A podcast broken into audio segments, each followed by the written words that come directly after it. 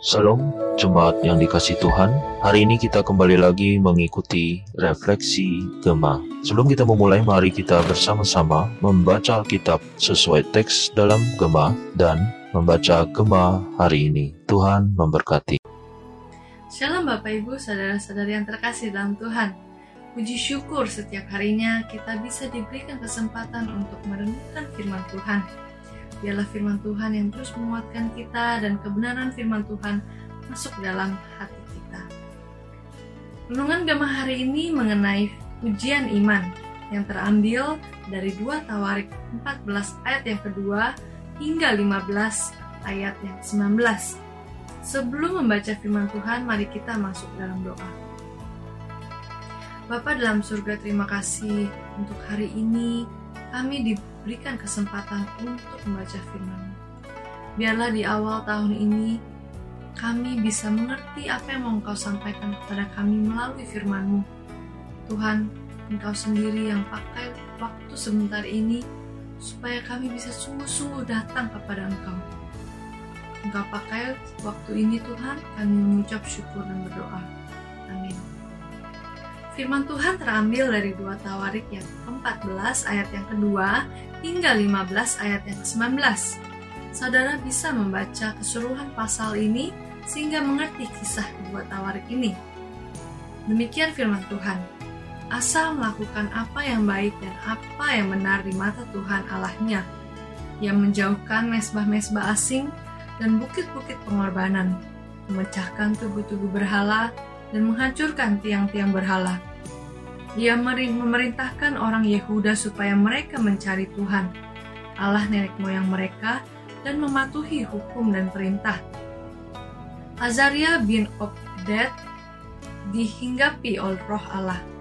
Ia pergi menemui Asa dan berkata kepadanya, Dengarlah kepadaku, Asa dan seluruh Yehuda dan Benyamin, Tuhan beserta dengan kamu bila mana kamu beserta dengan dia. Bila mana kamu mencarinya, ia berkenan ditemui olehmu. Tetapi bila mana kamu meninggalkannya, kamu akan ditinggalkannya. Lama sekali Israel tanpa Allah yang benar, tanpa ajaran dari pada iman dan tanpa hukum. Tetapi kesesakan mereka berbalik kepada Tuhan, Allah orang Israel.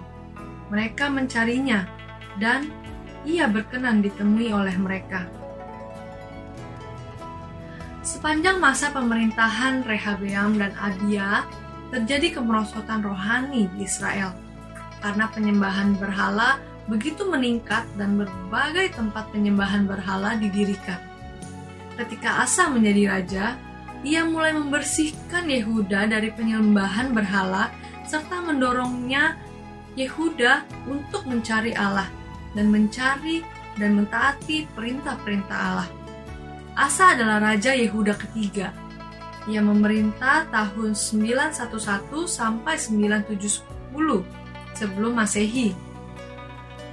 Asa adalah raja yang hidup takut akan Tuhan sama seperti Daud, nenek moyangnya. Ia menjauhkan mesbah asing, pendupaan, dan bukti pengorbanan, memecahkan tubuh berhala, dan menghancurkan tiang-tiang berhala dari segala kota di Yehuda. Itu ada di ayat yang kedua sampai ketiga. Kata mencari Tuhan ditulis sebanyak 29 kali di dalam seluruh kitab Tawarik ini, menunjukkan bahwa mencari Tuhan adalah faktor yang terpenting dalam kehidupan ini. Mencari Tuhan dengan sungguh berarti berbalik kepada Tuhan dengan segenap hati, punya rasa haus dan lapar akan kebenaran dan kehadiran Tuhan, taat mengikuti kehendak Tuhan dan bersandar sepenuhnya kepada Tuhan. Asa juga memerintahkan orang Yehuda untuk mencari Tuhan dengan melakukan apa yang baik dan apa yang benar di mata Tuhan, serta mematuhi hukum dan perintah Tuhan. Sebagai raja, sesungguhnya Asa punya otoritas atau kekuasaan namun ia tidak mengandalkan apa yang dimilikinya. Melainkan Asa mencari Tuhan dan mengandalkan Tuhan. Kerajaan Yehuda saat itu aman di bawah pemerintahannya. Ada di ayat 14 ayat yang ketiga sampai 5. Allah pun mengaruniakan keamanan terhadap Yehuda karena asa hidup mencari Tuhan dengan bersungguh-sungguh hati. Ketika Zerah memerangi mereka dengan tentara Ethiopia yang berjumlah sangat besar, yakni sebanyak sejuta orang dengan 300 kereta. Tuhan menolong mereka dan memukul kalah orang-orang Ethiopia di hadapan Asa dan Yehuda. Kekalahan itu sangat besar, sehingga orang Yehuda mendapatkan sejarahan dalam jumlah yang sangat besar karena Tuhan. Ayat yang 14, ayat 9 sampai 15. Kemenangan tentara Yehuda ini terjadi karena Asa hidup dengan tulus mencari Tuhan. Ujian iman yang sesungguhnya adalah ketika Asa menyadari bahwa maka yaitu neneknya membangun dan membuat patung Asyera yang sangat keji. Tanpa ragu Asa memecat neneknya dari jabatan ibu suri karena neneknya membahayakan iman orang Yehuda dan Asa merobohkan patung yang keji itu, menumbuknya dengan halus, lalu membakarnya di lembah Kidron. Ada di ke pasal 15 ayat yang ke-16. Sikap Asa ini menunjukkan kesungguhan hati Asa kepada Tuhan. Ujian iman yang sangat berat sering kali berkaitan dengan keluarga. Apakah kita berani memilih untuk mentaati Tuhan atau kita lebih memilih untuk menyenangkan hati keluarga kita. Kita takut untuk menyatakan kebenaran jika anggota keluarga kita sudah menyimpang dari Tuhan. Contohnya, suami atau istri kita, atau orang tua, atau orang-orang di sekitar kita yang belum sungguh-sungguh datang kepada Tuhan, hidup beriman, atau belum menjadi orang percaya kita pasti akan menghadapi berbagai pilihan yang sulit saat ketika kita ingin melayani Tuhan. Rintangan tersebut dapat membuat hati kita tidak setia. Namun ketika kita percaya dan memiliki komitmen untuk melakukan perbuatan yang baik dan benar berdasarkan standar Tuhan, maka Tuhan akan memberkati, menjaga, dan memelihara keluarga kita.